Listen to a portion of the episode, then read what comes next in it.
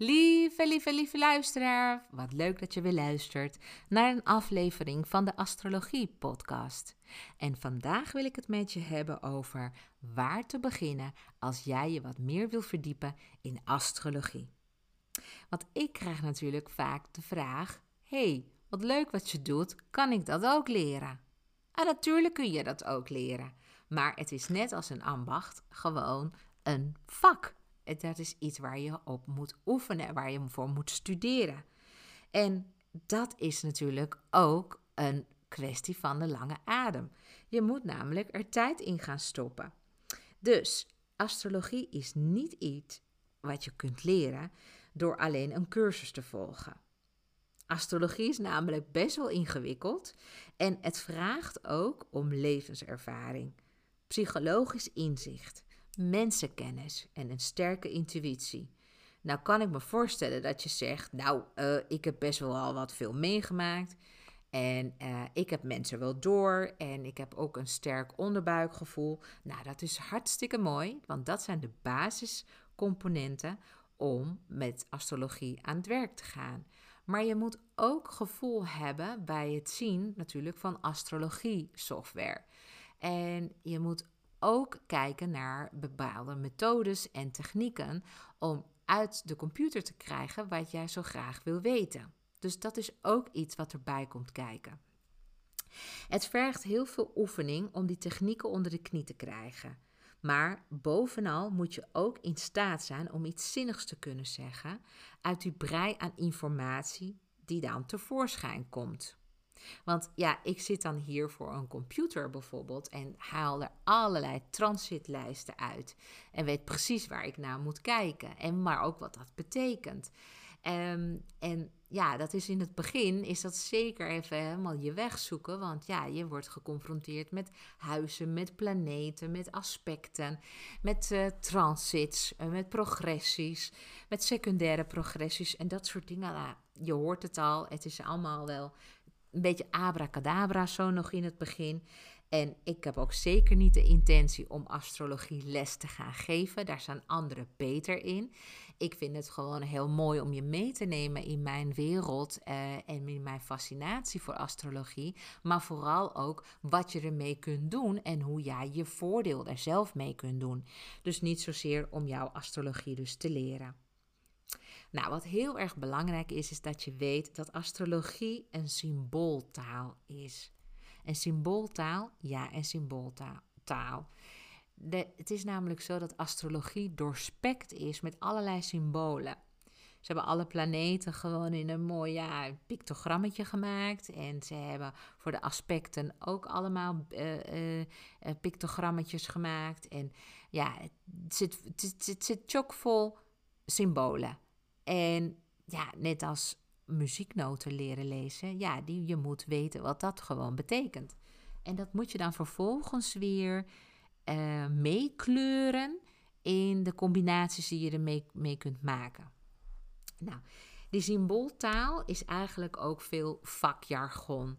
En uh, ik noem het ook wel een antieke taal, die je dan vervolgens moet leren te spreken en die je moet plaatsen in het heden.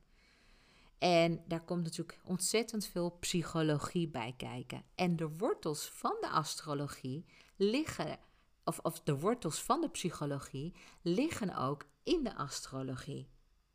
Daar neem ik nog een andere keer een podcast over, maar het is goed dat je dat weet. Er is namelijk veel onderzoek gedaan naar de planeetstanden en wat voor weerslag dat heeft op ons als mensen en op dieren hier op aarde. Hoe gedragen wij ons door de seizoenen heen? En dat is allemaal op schrift gezet en weer door volgende generaties keer op keer weer verder onderzocht en verfijnd. Dus het is als het ware een soort empirisch onderzoek geweest. Wat boven gebeurt, heeft zijn weerslag op onder. Daarom zeggen ze ook wel in de astrologiewereld van zo boven, zo onder, zo binnen, zo buiten. Nou, om dan weer even weer terug te komen van hoe kan jij je nou op een snelle manier verdiepen in astrologie? Nou, allereerst natuurlijk naar, door te luisteren naar de Astrologie Podcast. Want elke keer vertel ik je toch iets meer en kom je toch iets meer te weten. En uh, zo leer je op een hele makkelijke en luchtige manier, terwijl je iets heel anders aan het doen bent. Aan het fietsen, aan het wandelen, je huishouden aan het doen, gewoon zelfs onder de douche. Ik bedoel, of in het vliegtuig of onderweg in de auto. Ik weet niet waar je deze podcast luistert. Maar het bevat altijd wel iets waardevols. Wat jij weer in jouw rugzakje kunt gooien. En dan, uh, ja, dus toch een stukje wat meer weet over hoe astrologie werkt. En wat, wat je er allemaal mee kunt. Dus zoals ik al zei, astrologie is een symbooltaal. En jij moet dan opnieuw een nieuwe taal leren.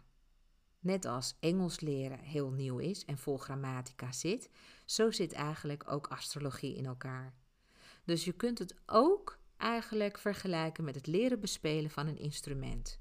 Er komt niet zomaar muziek uit een instrument. Dus stel je voor dat jij piano wil leren spelen.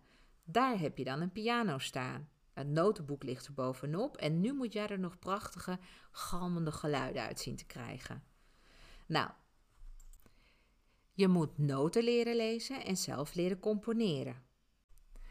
Maar als je een vliegende start wilt maken en je wilt meer te weten komen over je eigen horoscoop, dan raad ik je aan om te kijken naar jouw gouden driepoot. En dan denk je, gouden driepoot? Ja, dat zijn de drie belangrijkste punten in jouw horoscoop. Daar heb ik het ook in aflevering 2 over gehad. En in de volgende afleveringen ga ik daar ook nog veel meer over vertellen. Dan ga ik de diepte in. Maar voor nu is het belangrijk dat je weet dat deze drie punten de allereerste punten zijn waar ik naar kijk. Het geeft zo ontzettend veel informatie, daar zou ik gewoon een dag over kunnen praten en dan raak ik nog steeds niet uitgepraat. dus de gouden driepoot is uh, het teken van jouw zonneteken, dus jouw sterrenbeeld, want dat zegt namelijk ontzettend veel over jouw identiteit. Nou, die weet je vaak wel. Hè? Je bent een stier of een schorpioen of een leeuw of een maagd. Maar wat je nog niet wist, is waarschijnlijk je ascendanteken. Je ascendanteken is je sociale masker. Het is hoe jij de wereld ervaart en ook hoe jij de wereld tegemoet treedt.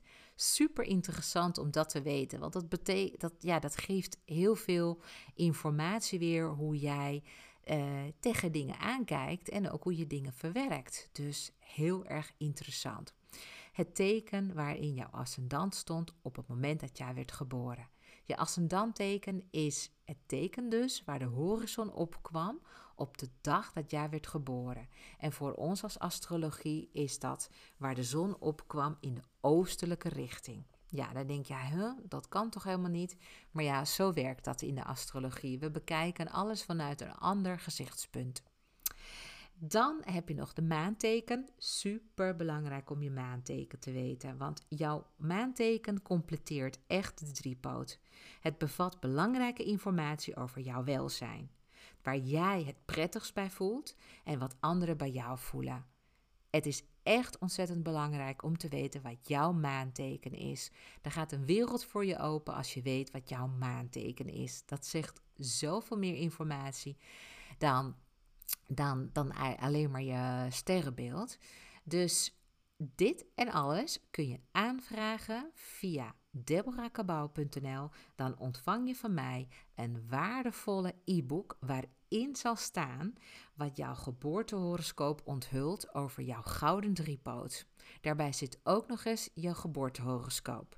Dus heb je die nog niet aangevraagd, dan kan je die nog vandaag bij mij uh, gratis uh, aanvragen.